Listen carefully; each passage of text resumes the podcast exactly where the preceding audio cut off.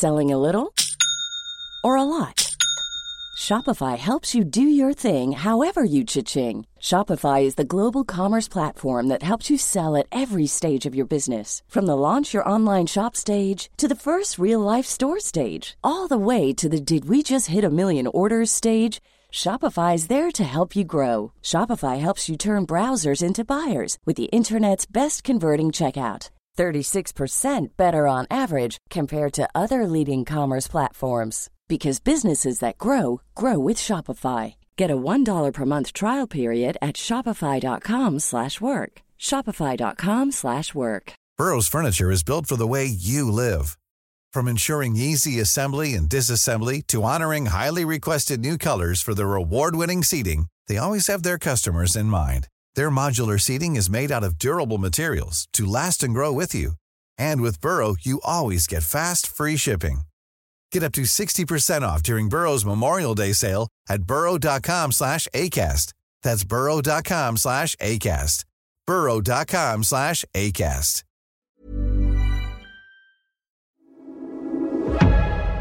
Du lyssnar på GVS ljudböcker.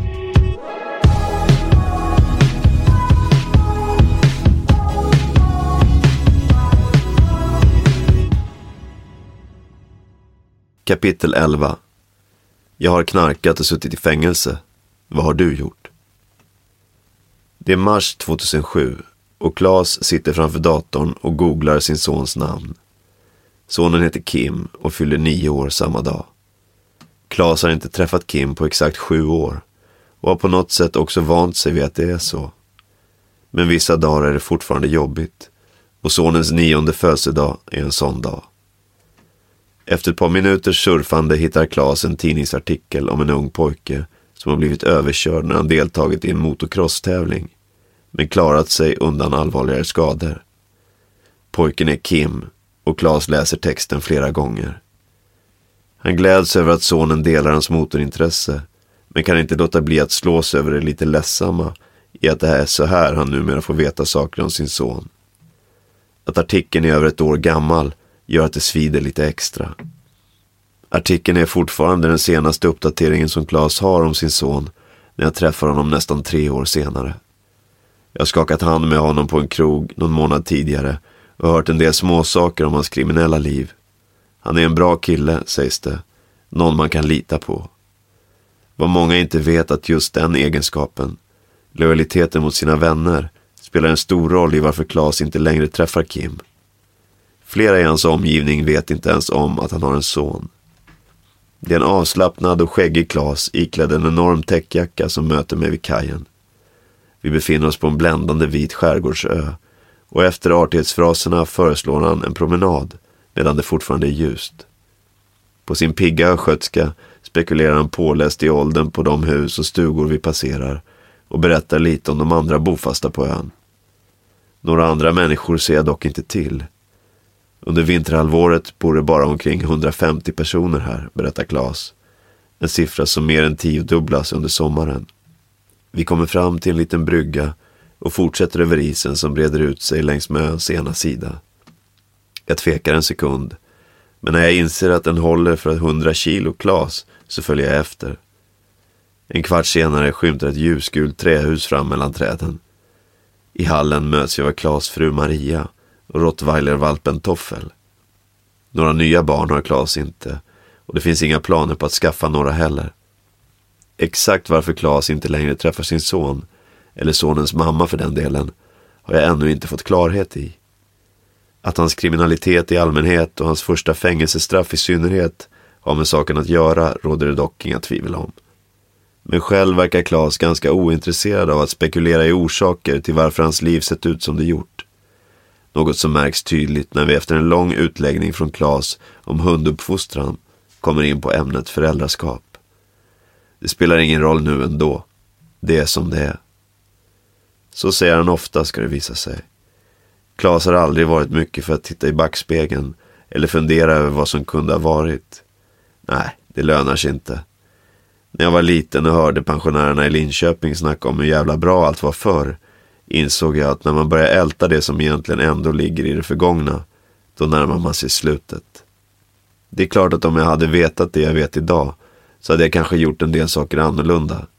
Men det spelar ju liksom ingen roll nu. Så här är det, konstaterar han.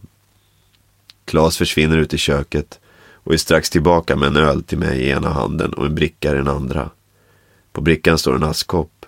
En skål i metall vars ursprungliga syfte tydligen har någonting med vattenledningar att göra. En liten guldfärgad burk på små korta ben samt ett tre decimeter högt glasrör med en färgglad drake målad på glaset. Klas plockar upp en liten brun bit ur guldburken, eldar på den med en tändare och lutar sig över brickan.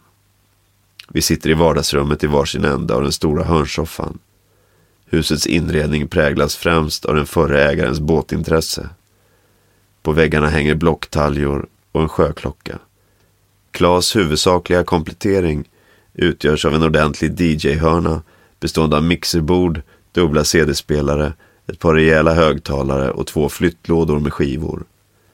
I övrigt är det skärgårdsidyll rakt igenom och sedan november året innan har det här varit Klas och Marias hem, tillika rehabcenter.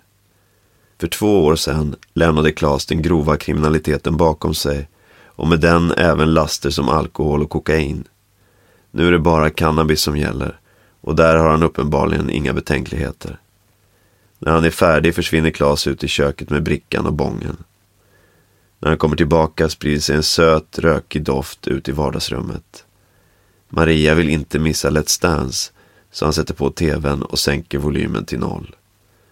Morsan och farsan hade alltid bra med smet, så i början handlade ju allt om spänning, berättar han medan han öppnar dagens andra två liters cola och häller upp ett stort glas. Du vet, man åkte till Christiania för att det var kul och så köpte man med sig lite och sålde till polarna. Spänningen försvinner ju efter ett tag. Ändå bara fortsatte det. Man testar cola och tycker att man lika gärna kan fixa det själv istället för att köpa av andra. Det ena ger det andra. Men då i början hade vi jävligt kul. Klas berättar nöjt om en av de första gångerna han och kompisarna åkte ner till Danmark för att testa lite varor. Vi satt i bilen där nere hela natten och rökte tills vi var helt väck. Vi rökte upp allt. Det var inte ett korn kvar när vi rullade på båten dagen efter. Men det stank ju som fan. I Sverige blev vi stoppade såklart. Och narkotikahunden fick ju fnatt och for runt som om den vore helt galen. De plockade fan isär hela jävla bilen ner till sina beståndsdelar utan att hitta något. Vi visste ju att allt var slut så vi bara garvade. De blev nog rätt lacka. Sen skakade hela bilen resten av vägen för att de hade skruvat ihop den så dåligt. Klas skrattar innerligt samtidigt som han påpekar att det är ju det roliga som han kommer ihåg. Han är i 40-årsåldern och i slutet av 80-talet och början av 90-talet gick det mesta ganska bra för honom. Men ett par undantag kan Klas ändå dra sig till minnes. Som en kväll när han var 19 år och hamnade i bråk med en äldre kille på en klubb i Linköping.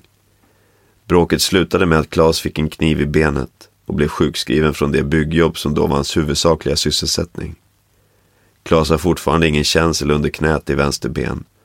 Men han trivdes ganska bra med sitt nya liv och lyckades gång på gång få sjukskrivningen förlängd. Jag berättade för psykologen att jag inte kunde sova och sådana grejer. Jag sov som en gris egentligen, men det behövde ju inte hon veta. I brist på sysselsättning lät han sina tidigare extrajobb ta allt större plats och snart handlade han med såväl hash som kokain och amfetamin. Hash är ju en bra bransch, där blir det inga problem. Kola och tjack är lite värre. Man vill inte ha någon på ladd som står och trycker i trappuppgången klockan sex på morgonen och tjackpundare kan ju dyka upp mitt i natten med en jävla soffa. Klas ställer sig upp, gestikulerar och härmar pricksäkert en amfetaminmissbrukares stereotypt ryckiga rörelsemönster. Ja, jag hittade den här soffan. Jävligt bra grejer. Kan man få sig en macka? Säger han och skrattar. Men tjackisar har sina fördelar också. För de fixar ju för fan allt. Jag minns en gång när jag och brorsan skulle ha en stor fest ute i skogen och behövde ett elverk. Klas går in i sin tjackkaraktär igen. Inga problem, jag vet var det står ett. En timme senare var dealen avslutad. Klas skrattar gott medan han sjunker ner i soffan igen. Sen blir han tyst en stund och ser ut att fundera. När han för in samtalet på heroin är tonen betydligt allvarligare. Men Horse gjorde vi tidigt en pakt om att aldrig köra, jag och polarna. Även om vi nog var ganska få som faktiskt höll oss ifrån det hela vägen. Det var någon gång i mitten av 90-talet, ungefär samtidigt som heroinet började sprida sig bland Klas bekanta i Linköping, som han på allvar började tröttna på stan. När hårset kom till stan blev alla golare. Några polare startade mc-gäng, men det var inget jag var intresserad av. Att sätta på sig en väst och gå runt och skylta med att man är kriminell har aldrig varit något för mig. Han ställer sig demonstrativt upp, viftar med handen i luften och tittar sig omkring i rummet. Hej polisen, här är jag och mig ska ni jaga. Nej tack, det är jobbigt nog som det är att vara kriminell. Klas blev själv tillfrågad om att gå med i ett gäng under de år då han var som mest kriminellt aktiv. Men han höll på sina principer. Jag gled runt i sånt här hela dagarna även på den tiden, säger han och rycker lite i sin ljusblå Adidas-dress. Hur fan ska jag kombinera det här med en väst, sa jag och då garvade de bara. Klas bestämde sig för att åka till Sankt Anton i Österrike för att komma bort från stan. Han kom dit någon månad innan säsongen drog igång och tillsammans med en kompis lyckades han lägga beslag på en av stans bättre lägenheter. Sen kunde de finansiera sitt eget snowboardåkande och festande genom att hyra ut sängplatser i den proppfulla turistorten. Någon hemlängtan kände han inte och när Klas väl var hemma i Linköping igen dröjde det inte många veckor innan han följde med en kompis på affärsresa till Borås. Samma kväll hamnade de på en fest i stan och det var där han träffade Kims blivande mamma för första gången. Stina var fyra år äldre än Klas och något av en lokalkändis. En blond frisörska som skådespelade på stadens teaterscener och inte sällan dök upp i lokaltidningarna. Antingen på deras nöjessidor i samband med någon teateruppsättning eller som modell på samma tidningars reklamplatser. Ett riktigt kap, summerar Klas, som snabbt blev intresserad. Och Stina tyckte uppenbarligen att gangstern från Linköping var spännande. De blev snabbt förälskade och på hösten 1996, bara ett par månader efter att de hade träffats första gången, flyttade Klas in i Stinas tvåa som byttes mot en större, gemensam lägenhet samtidigt som han fick jobb som dörrvakt på en nattklubb. Han hade varit sugen på något annat än Linköping ett bra tag och Borås låg nära Danmark vilket passade Klas bra. Ändå dröjde det inte länge innan Klas insåg att Borås knappast var en stad han ville bo i resten av livet. Och Stina verkade inte heller främmande inför tanken på att flytta i framtiden. Det är en liten håla och alla känner alla. Det var ingen bra plats för mig. Det tog inte lång tid innan det började snackas om den nya dörrvakten som sålde knark och var gangster. Men några egentliga problem innebar inte, förutom att det var lite tröttsamt. Mest för att folk kom fram till honom på nattklubben och ville imponera med sina rövarhistorier. Något som de konsekvent misslyckades med. Då var det värre när Stinas mamma var på besök i lägenheten för första gången och öppnade en dörr för mycket. Hon hittade ett rum fullt från golv till tak med smuggelcigaretter, skrattade Klas. Det såg ju inte så bra ut. Hon blev arg såklart. Men sen fick hon tio limp gula Blend och så pratade vi inte mer om det. Klas lyckades enligt sig själv hålla det på en rimlig nivå och människorna runt omkring honom verkade glada och nöjda. Ibland följde Stina med när Klas åkte iväg för att göra affärer och deras relation led fortfarande inte av hans sidosysslor. Inte förrän Klas i slutet av sommaren 1997 fick veta att Stina väntade hans barn. Det var väl inte planerat direkt och jag hade kanske hellre sett att vi inte behöll det, men det gjorde vi. Stina var drygt 30 och tyckte att hon var för gammal för abort. Dessutom hade hon just fått en bra stol på en hårsalong i Borås. Att bilda familj och stadga sig på allvar kändes naturligt, tyckte hon. Klas gangsterrykte och tvivelaktiga affärer var inte alls spännande längre och att flytta från Borås fanns inte på kartan nu när Stina var gravid. Hon ville ge sin son en trygg uppväxt och en laglydig pappa från dag ett. Klas kanske kunde bli truckförare. Helt plötsligt skulle jag bara sluta med allt och bli svennebanan istället. Jag ville ju ha det som vanligt, suckar Klas. Dessutom hade han börjat tröttna ordentligt på Borås och viljan att flytta till en större stad var starkare än någonsin. Det gick fortfarande en hel del rykten om honom och Stina började tycka att det kändes olustigt. En av hundra anledningar till varför en gangster inte kan bo i Borås. Det snackas för mycket, förklarar Klas. Jag sket i vilket, men Stina tyckte att det var jobbigt. Är du frisör i en småstad och jobbar på salong så vet du hur snacket går. Nu när vi skulle ha barn så tyckte hon inte alls att det var kul längre. Även om Klas inte såg allvaret i situationen på samma sätt som Stina så var han inte helt blind inför de motsättningar som fanns mellan att langa knark och smuggelgods samtidigt som man ska bli pappa. Så fort Kim föddes flyttade jag den lilla verksamhet som jag hade kvar till en polare. Så det fanns inget knark i lägenheten eller så. Men jag slutade ju inte helt för det. Trots att Claes inte ens övervägde truckförarjobbet som Stina tipsat om och trots att Stina vägrade att diskutera att lämna Borås så höll de ihop. I mars 1998 föddes Kim och familjelivet som följde var kanske inte så tokigt ändå. När Kim var sex månader gammal återgick Stina till sitt frisörsjobb och Claes blev pappa på heltid. Nästan i alla fall. Jag fortsatte att jobba i dörren på nätterna och hade en del aktiviteter vid sidan om. Men när jag kom hem från det på morgonen så gick jag en promenad med Kim och sen gick vi hem och så fick jag duna medan han sov lunch.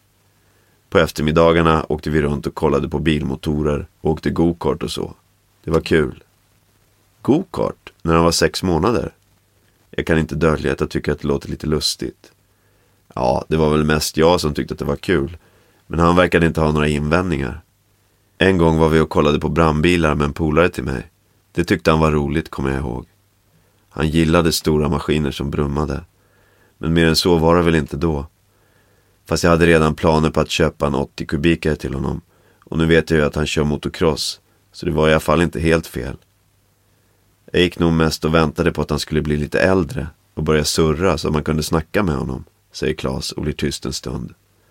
Men så länge fick inte jag vara med. Ett par månader efter Kims ettårsdag, i juni 1999, hände något som blev avgörande för Klas, Stinas och Kims framtid tillsammans. En av Klas vänner, Gregory, häktades misstänkt för misshandel och riskerade fängelsestraff.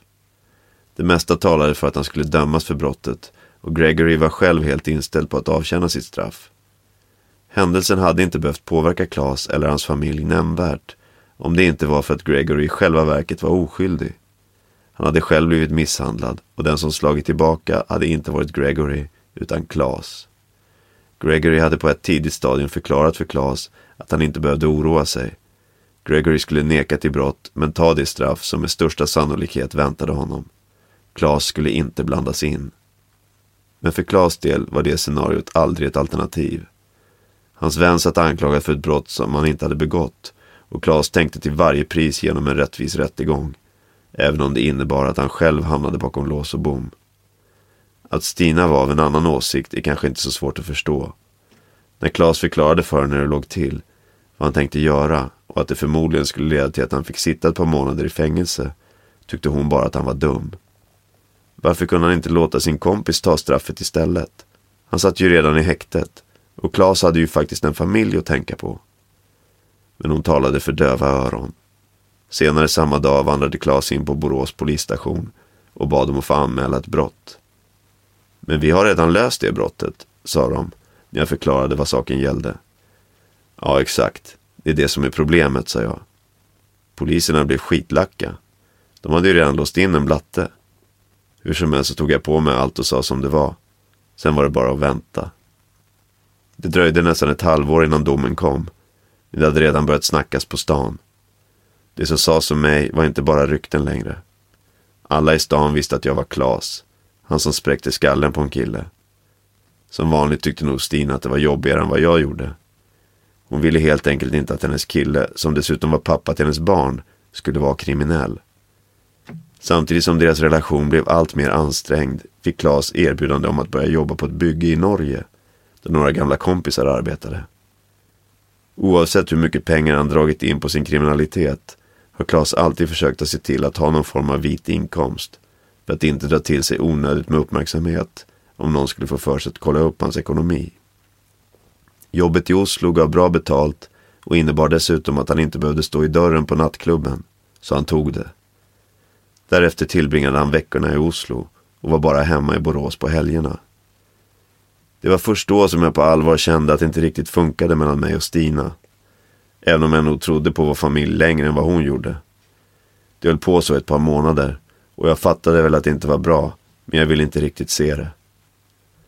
I slutet av året, strax innan Claes fick sin dom, stod det också klart att hans förhållande med Stina var över. Hon hade träffat någon annan. Hon förklarade bara att det nog var bäst om jag inte kom ner en helg. Kim har fått en annan pappa, sa hon. Jag försökte hålla färgen och svarade lite sarkastiskt något om att det ändå hade börjat bli dyrt med soppa till bilen. Egentligen tyckte jag att det var skitjobbigt. Jag gillade ju båda och ville träffa min son. Klas ville inte bråka och han hade förmodligen inte hunnit ställa till med så mycket i vilket fall. För någon vecka senare fick han veta att han skulle inleda det nya året med två månaders fängelse på anstalten i Malmö. Fängelsevistelsen hade Klas haft gott om tid att förbereda sig inför och själva frihetsberövandet tog han aldrig särskilt hårt. Däremot saknade han sin familj. Jag hörde inte ett ord från Stina under tiden där. Inte förrän precis på slutet. Samma dag som jag muckade fyllde Kim två och jag åkte upp till Borås för att komma på hans kalas. Eller, det var vad jag trodde. När jag kom upp hade Stina redan haft det riktiga kalaset ett par dagar innan. Så jag fick någon slags extra kalas. Det var vi tre.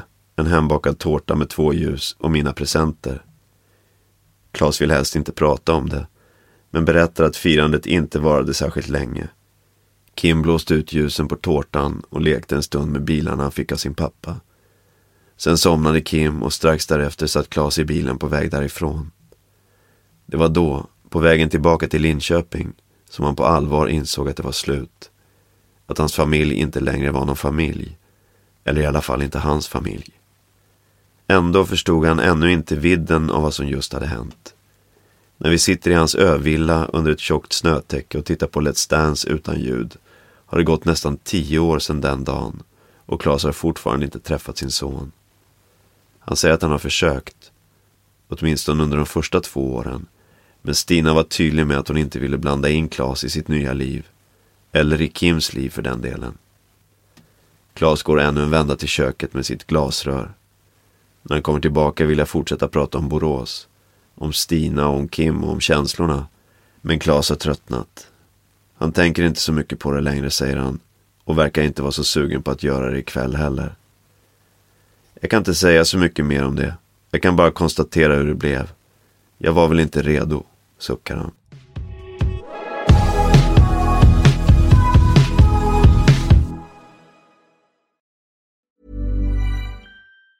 When you're ready to pop the question, the last thing you want to do is second guess the ring. At Bluenile.com, you can design a one of a kind ring with the ease and convenience of shopping online. Choose your diamond and setting. When you find the one, you'll get it delivered right to your door. Go to Bluenile.com and use promo code LISTEN to get $50 off your purchase of $500 or more. That's code LISTEN at Bluenile.com for $50 off your purchase. Bluenile.com code LISTEN. Millions of people have lost weight with personalized plans from Noom, like Evan, who can't stand salads and still lost 50 pounds. Salads, generally, for most people, are the easy button, right? For me, that wasn't an option. I never really was a salad guy. That's just not who I am. But Noom worked for me. Get your personalized plan today at Noom.com. Real Noom user compensated to provide their story. In four weeks, the typical Noom user can expect to lose one to two pounds per week. Individual results may vary.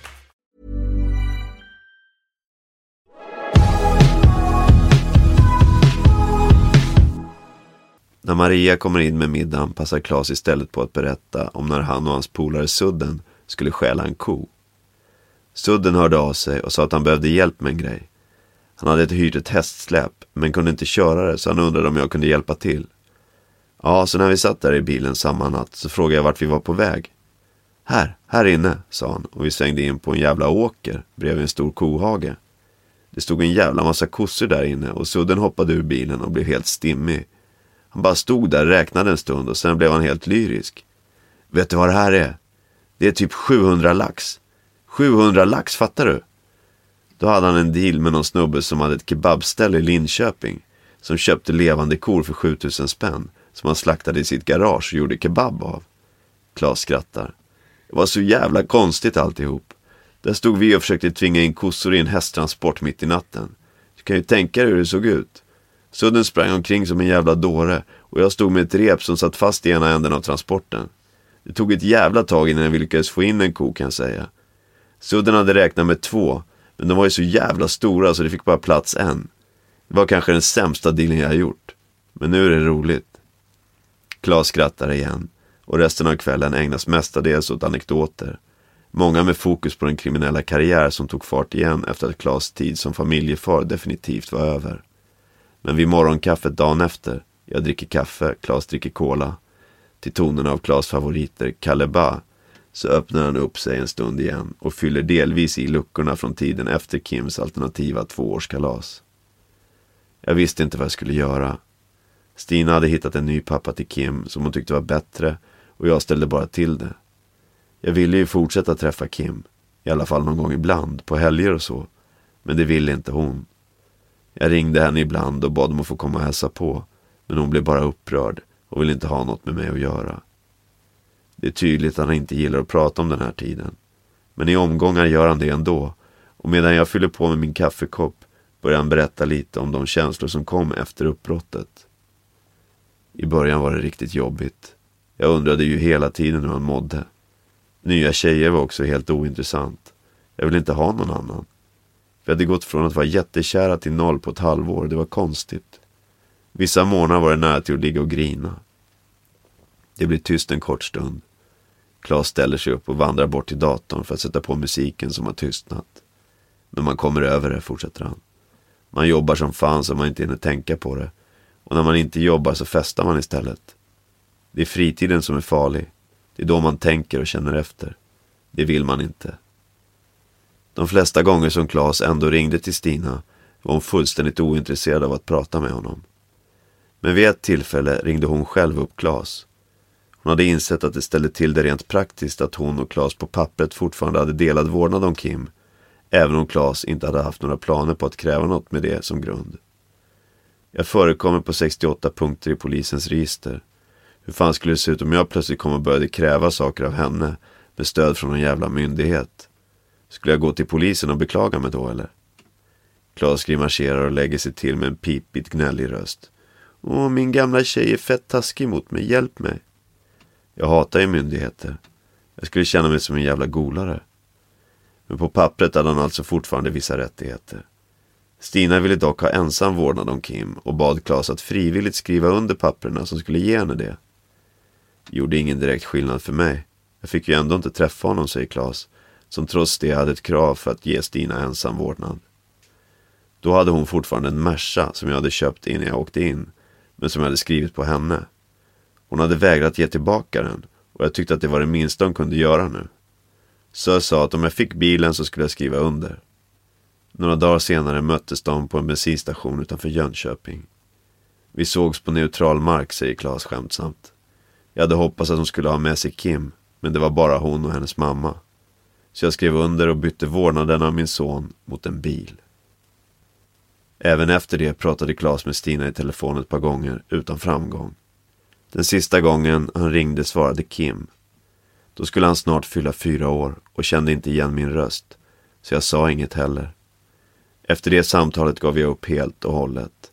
Fram till dess hade jag ju skickat julklappar, födelsedagspresenter och kort och sånt. Men jag fick ingen respons och via en polare i Borås fick jag veta att Stina hade slängt bilbanan som jag hade skickat till Kim i treårspresent. Han såg nog aldrig något av det jag skickade. Det är alltså över åtta år sedan nu och sedan dess har Claes inte pratat med Stina eller Kim igen. Däremot ringde han upp Stefan, Stinas nya kille, något år senare. Under ett besök i Borås hade han fått höra att Stefan var orolig över att Claes skulle dyka upp förr eller senare och ställa till besvär. Faktum var att han nog var lite rädd för Klas. vars gangsterrykte verkade leva kvar på Borås gator, även efter att han hade lämnat stan. Det tyckte Klas var onödigt, så han bestämde sig för att höra av sig till Stefan. Jag visste ju vem han var. Han hade varit bartender på ett ställe som jag vaktade dörren på, förklarar Klas. Det är en snäll kille och jag är glad att det är han och inte någon idiot eller hustrumisshandlare.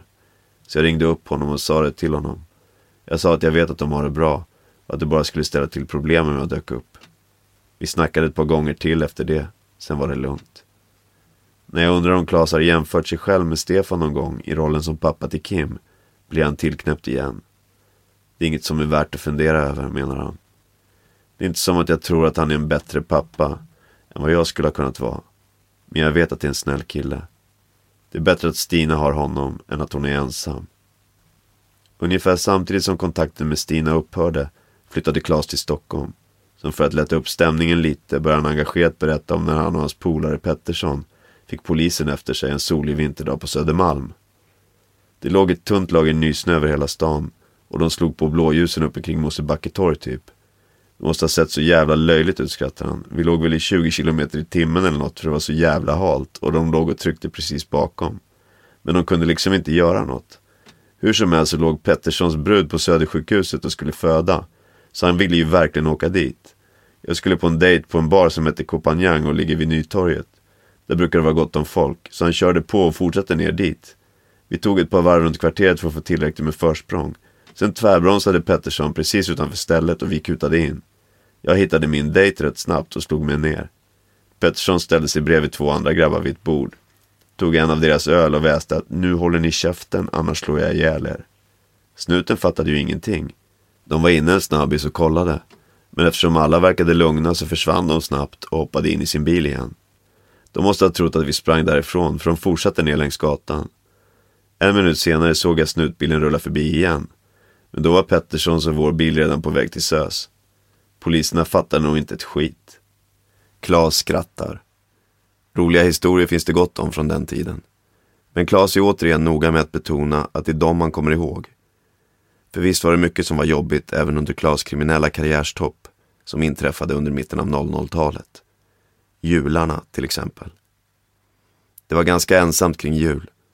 Men då när polarna åkte för att vara med familjen så var vi alltid några kvar som köpte lite extra ladd och hade fest istället.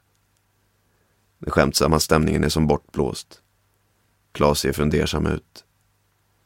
Ibland på julen kan tanken slå mig, börjar han, att jag kanske borde ringa Kim. Men sen kom jag på att just det, det har jag inte gjort på åtta år. Klas skrockar lite åt sig själv. Men allvaret finns kvar och under en stund kommer inga fler lustigheter. Istället delar han med sig av ett par kompletteringar till alla de där roliga anekdoterna från förr. Delar av den baksida som kanske inte ligger närmast till hands när man minns det gångna decenniet. Men som är anledningen till att han faktiskt inte lever det livet längre. De första åren mådde jag ju ganska pissigt. Det blev som en nedåtspiral. Först flyttade jag tillbaka till Linköping och ägnade mer och mer tid åt att sälja knark. Istället för att fortsätta trappa ner på kriminaliteten så började jag trappa upp igen. Slängar blev häggen, häggen blev kassar och sen rullade det bara på igen. Det var en lättare väg att gå då. Att skita i allt. Det gör mindre ont och det fanns ingen kvar som brydde sig ändå. Jag släppte lite på spärrarna när ingen kunde bli besviken längre. Jag hade ju aldrig riskerat samma saker om Kim hade funnits där. Men Kim fanns inte där och inte heller Stina. Klas slutade prata med sina föräldrar ungefär samtidigt som han inte längre kunde låta dem träffa sitt barnbarn. Den enda familjemedlem som han hade någon som helst kontakt med under den här perioden var sin lillebror. Jag blev avtrubbad och samhällsfientlig, fortsätter Klas. Sen blev jag golad på och fick åtta månader för narkotikabrott. Då blev jag ännu mer anti.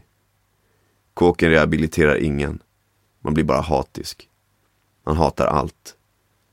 Precis innan det hade jag köpt en lastbåt och skulle bli smugglare tänkte jag. Jag har alltid velat bo på en båt och att smuggla grejer med den var någon halvromantisk dröm som jag hade. Det var en ordentlig båt. Den lastade upp till 40 ton och hade kunnat ta vad som helst. Men det blev inget av det.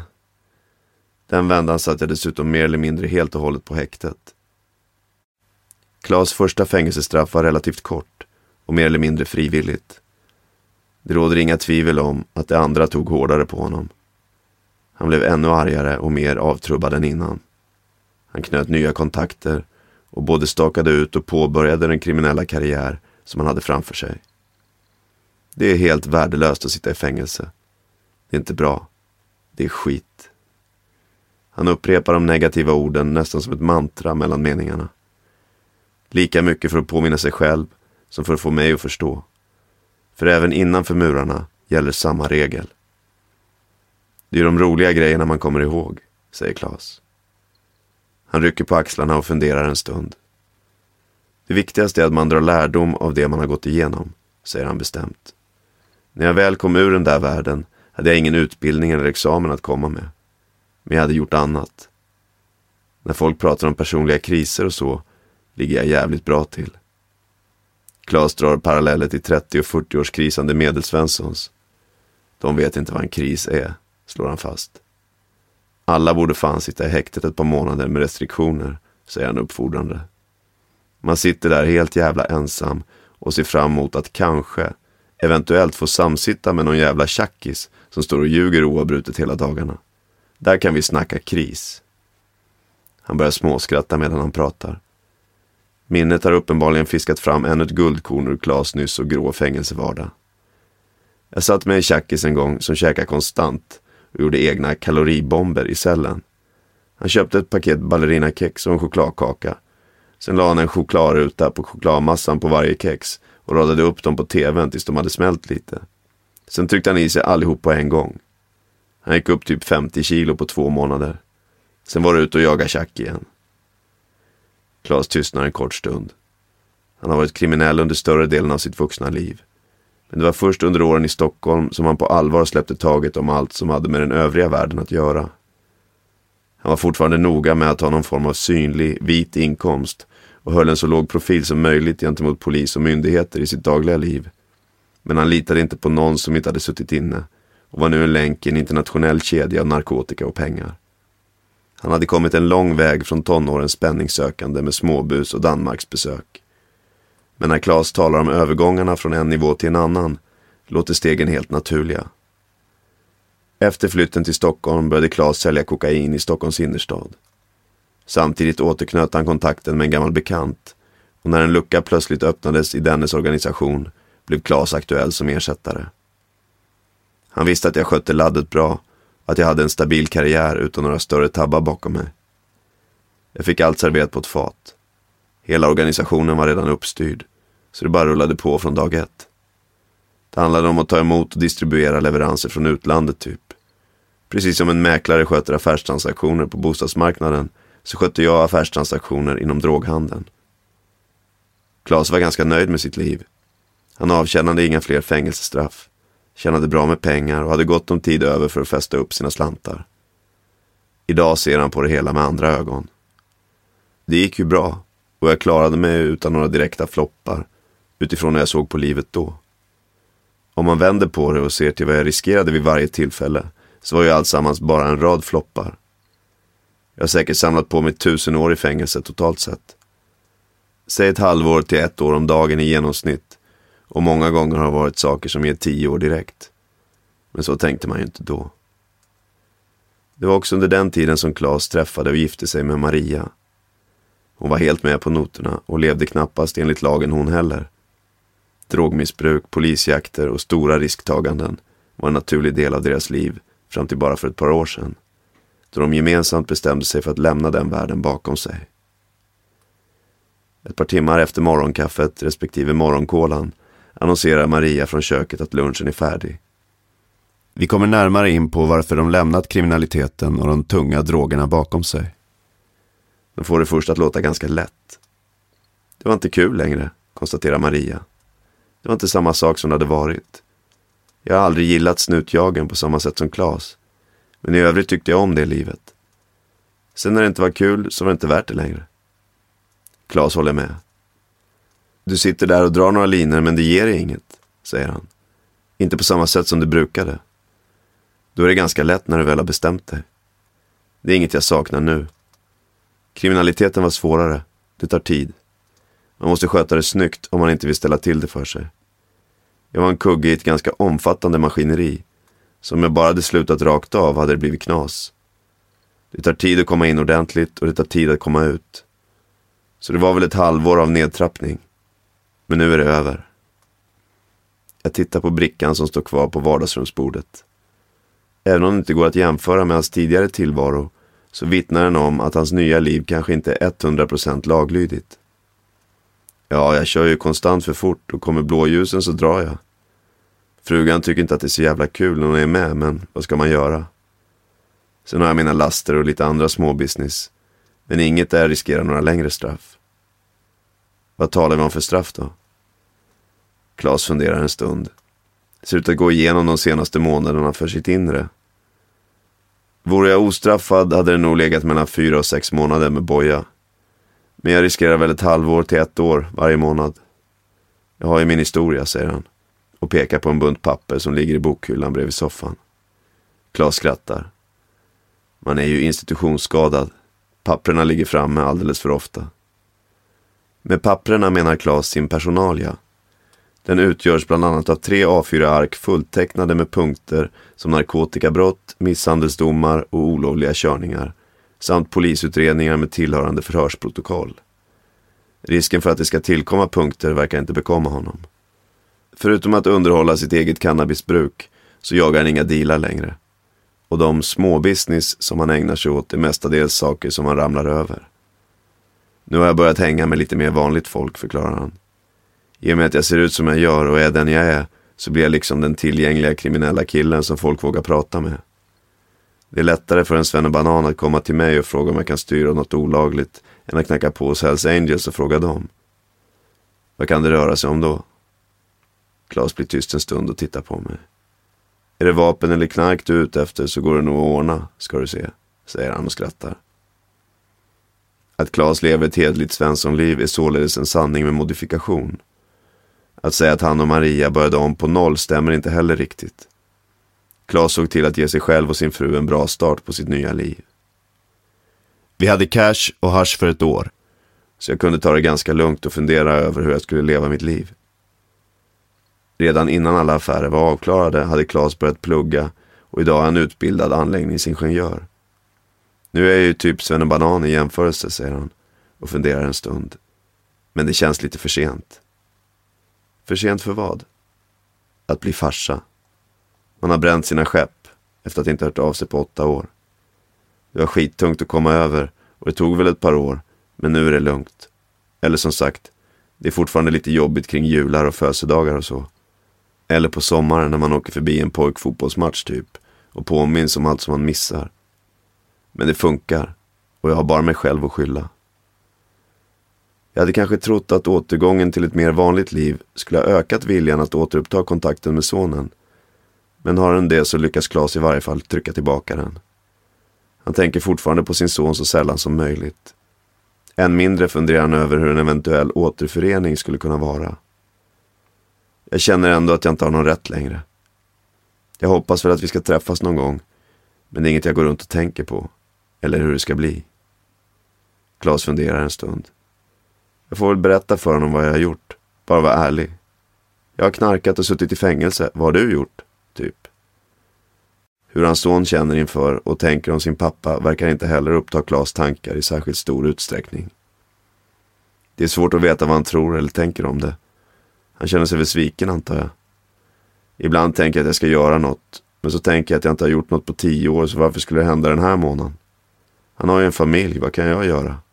Det är ett färdigt kapitel. Jag vet inget annat. Varför ska jag älta det?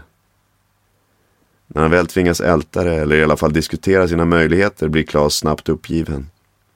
Tron på sig själv som någon som skulle kunna ställa saker till rätta, eller göra något för att förbättra situationen, är inte särskilt hög. Och barnen svälter i Afrika, men inte gör något åt det heller, säger han i ett försök att avsluta diskussionen. Men oavsett vad han tror om saken och hur lite han vill tänka på det, så finns en underliggande vilja att någon gång återuppta kontakten med Kim. Fast om det blir så är inte längre upp till honom själv, menar han. Jag har ju velat träffas flera gånger. Jag vill det hela tiden.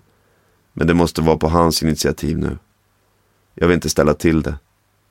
Jag vet ju ingenting. Jag skulle inte ens känna igen honom om jag såg honom på gatan. Han var två år sist. Nu ska han fylla tolv. Ibland tänker jag att han kanske ringer när han fyller 18. Fast har han inte ringt än lär han inte göra det då heller. Klas suckar och sätter fingret på varför han har den inställning han har. Det är lättare att inte hoppas på det. Nystarten har alltså ännu inte inneburit några förändringar för Klas föräldraskap. Däremot återupptog han kontakten med sina egna föräldrar, vilket har varit en mestadels positiv förändring. Hans tidigare fängelsestraff och kriminella förflutna ligger honom inte i fatet hos dem. Min mamma tror fortfarande att jag är helt oskyldig till allt jag har dömts för, säger han och citerar fritt med jämmerlig röst. Åh, stackars Klas. Han har sån himla otur hela tiden. Och nu har han fått cancer också. Han vill helst inte diskutera saken närmare. Men för knappt ett år sedan fick Klas veta att han har kronisk leukemi, eller blodcancer. Förutom att han för andra gången i sitt liv är sjukskriven, tycker han uppenbarligen inte att den påverkar honom nämnvärt i övrigt. I alla fall inte så länge han slipper ligga i en sjukhussäng och få behandling. Vilket var fallet under sjukdomens första halvår. Vi behöver inte prata om sjukdomen. Den har inget med något att göra, klargör Klas, först när jag tar upp ämnet. Ändå medger han att den kanske skulle kunna påverka honom. Inte minst kan den skapa nya förutsättningar för hans resonemang kring sitt faderskap. Det är klart att om han hade varit sjukare och kanske skulle dö imorgon så hade man kanske omvärderat och velat träffa honom innan man dör. Men vad fan ska han träffa mig för som ändå ska dö? Jag kanske kan göra en videodagbok eller något och berätta fritt om allt. Det är ändå för sent för en far och son relation. Det får nog bli när han är vuxen i så fall. Men nej, idag tror jag inte att jag skulle ringa honom från dödsbädden precis. Klas har varit i Borås ett par gånger de senaste tio åren. Men han har aldrig sökt upp Kim eller Stina. Något behov av att hålla koll på dem har han inte heller känt sedan han satte sig framför datorn och hittade artikeln om Kims motocrossbravader för snart tre år sedan. Han har svårt att tänka sig att han skulle kunna få reda på något om dem som skulle förändra situationen. Om jag hörde att det var trassel så skulle jag kanske göra något, säger han först. Men för att jag ens skulle få reda på något så skulle det nog behöva gå ganska långt. Så det är frågan om det skulle hjälpa så mycket. Att Kim ska vandra samma väg som sin far när det kommer till droger och kriminalitet är Klas inte särskilt orolig över. Tanken har slagit mig någon gång. Men det är lite skyddad verkstad där nere och det känns inte så troligt. Problembarn i Borås finns inte ens på kartan i Stockholm. Det är på en annan nivå. Men att Kim skulle söka sig in på olagliga vägar kanske är det som skulle få Klas att känna att han verkligen hade något att komma med vad gäller att visa vägen tillbaka. Jag kan ju förstå vad man letar efter om man tycker det är spännande, eftersom jag har gjort det själv. Men det vore ju träligt om han gjorde samma misstag som jag. Och jag skulle kanske upptäcka just den typen av tendenser lättare än hans mamma och hennes kille. Att han skulle hantera situationen annorlunda tvivlar Klas inte en sekund på. Jag skulle säkert vara mer förstående. Och gick det så långt så skulle jag ju inte vara den som skällde ut honom när han åkte dit. Jag skulle snarare ge tips inför rättegången. Du vet, snacka inte för mycket under förhören. Och om de säger att om du hjälper oss så hjälper vi dig, så ska du inte tro på dem. Sådana saker. Det låter mer som tips från karriärcoachen än råd från en orolig förälder. Men när jag påpekar detta är Klas snabb med att understryka att det bara handlar om att göra det bästa av situationen och vinna förtroende för att sen kunna påverka ur ett mer långsiktigt perspektiv. Med sina egna erfarenheter kan Klas utan bekymmer berätta även om kriminalitetens baksidor, förklarar han. Samtidigt kan han hålla med om att hans inställning i det här fallet och på många andra områden nog skiljer honom från mängden. Men som sagt, jag har sett baksidorna också. Något år innan jag slutade till exempel, så fick jag följa med en polare hem till en kille i Stockholm som var en riktigt toppdåre. Det här var en kille som jag hade hört talas om och sett upp till ganska länge. Någon som verkligen hade lyckats. Han var som en idol. Men så kommer vi dit, till hans stora fina villa. Han är helt ensam där med sina två stora hundar och springer runt i huset med en skottsäker väst och ett gevär i handen. Han var helt stissig och sprang och kollade ut genom fönstren hela tiden. Då tänkte jag att om det är så här det är på toppen, då kan det lika gärna vara. Det är sånt som får en att inse att det inte är värt det. Även vad gäller droger är det tydligt att Claes har en något alternativ syn på ämnet. Att kalla honom liberal i sammanhanget är milt uttryckt. När vi döpte Kim blev en av mina gangsterpolare gudfar till honom. Och jag kommer ihåg att jag sa det till honom någon natt när vi var ute. Att om jag dör eller sitter inne får du se till att han inte blir knarkare i alla fall. Men när man snackar knarkare i den världen handlar det ju om sprutnarkomaner och heroinister. Att festknarka är en annan grej. Jag skulle inte ha några problem med att ta med honom till Amsterdam och visa honom den världen. Kanske köpa lite braj eller så. Jag kan ju inte komma med några moralkakor direkt. Å andra sidan kan jag återigen berätta om riskerna om det går för långt. Och jag har en del konkreta exempel på när det går åt helvete. Klas skulle försöka vara förstående snarare än förmanande, säger han. Och prata öppet om problemen istället för att tjata. Vilket han tror kanske skulle vara Stinas strategi i samma situation. En tonåring som har tagit ecstasy för första gången lyssnar inte på tjat. Då kan jag säga att det är fett roligt det där, men det håller inte i längden. Och så kanske han blir intresserad och faktiskt lyssnar. Då kan man dra en story om någon polare som det inte gått så bra för. Även om man inte ser det som särskilt troligt så är det just kriminalitet och narkotika de områden där han kan föreställa sig att Stina kanske skulle kunna tänka sig att höra av sig till Klas och be om hjälp. Ja, just där skulle jag nog kunna vara ett stöd. Men sen har jag ju luckor på en hel del andra sociala områden istället, säger han och skrattar. Både Stina och nya killen har sina familjer och släktingar där nere och de lär ju ha ett bättre socialt skyddsnät än vad jag kan erbjuda. På så sätt får jag nog vara ganska nöjd. Skulle man göra någon med barn och sen försvinna ur deras liv så var hon nog bästa möjliga brud. Det kunde ha blivit betydligt mycket värre om man ser det så. Det blir tyst en stund. Klas blick vandrar över rummet. Eller så hade jag planerat saker och ting lite bättre och inte blivit med barn.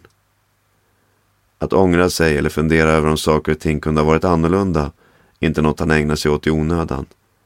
Men för ett par sekunder tycks han ändå leka med tanken på vad som kunde ha varit om han själv varit en annan människa för tolv år sedan. Om jag hade haft den insikt jag har nu, om jag inte hade tagit det där första straffet, då hade det säkert varit jag, Stina och Kim i ett radhus i Borås nu. Men nu är det de och Stinas nya kille och deras barn i det där radhuset istället. Vilket scenario som Claes skulle ha föredragit är omöjligt att säga. Man kan bara, som Claes säger, konstatera hur det blev.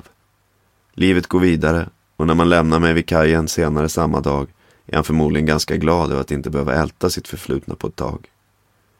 Bland det sista han säger till mig styrker också den tesen. Nu säger jag oftast att jag inte har några barn, om någon undrar. För jag orkar inte med alla frågor som kommer när man säger Ja, det har jag, men jag träffar honom inte längre.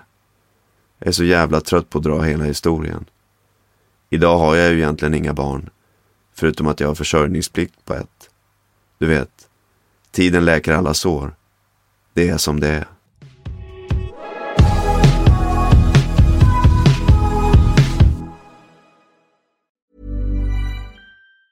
Hey, it's Danny Pellegrino from Everything Iconic. Ready to upgrade your style game without blowing your budget? Check out Quince. They've got all the good stuff shirts and polos, activewear, and fine leather goods, all at 50 to 80% less than other high end brands. And the best part? They're all about safe, ethical, and responsible manufacturing. Get that luxury vibe without the luxury price tag. Hit up quince.com slash upgrade for free shipping and 365 day returns on your next order. That's quince.com slash upgrade. Even when we're on a budget, we still deserve nice things. Quince is a place to scoop up stunning high end goods for 50 to 80% less than similar brands.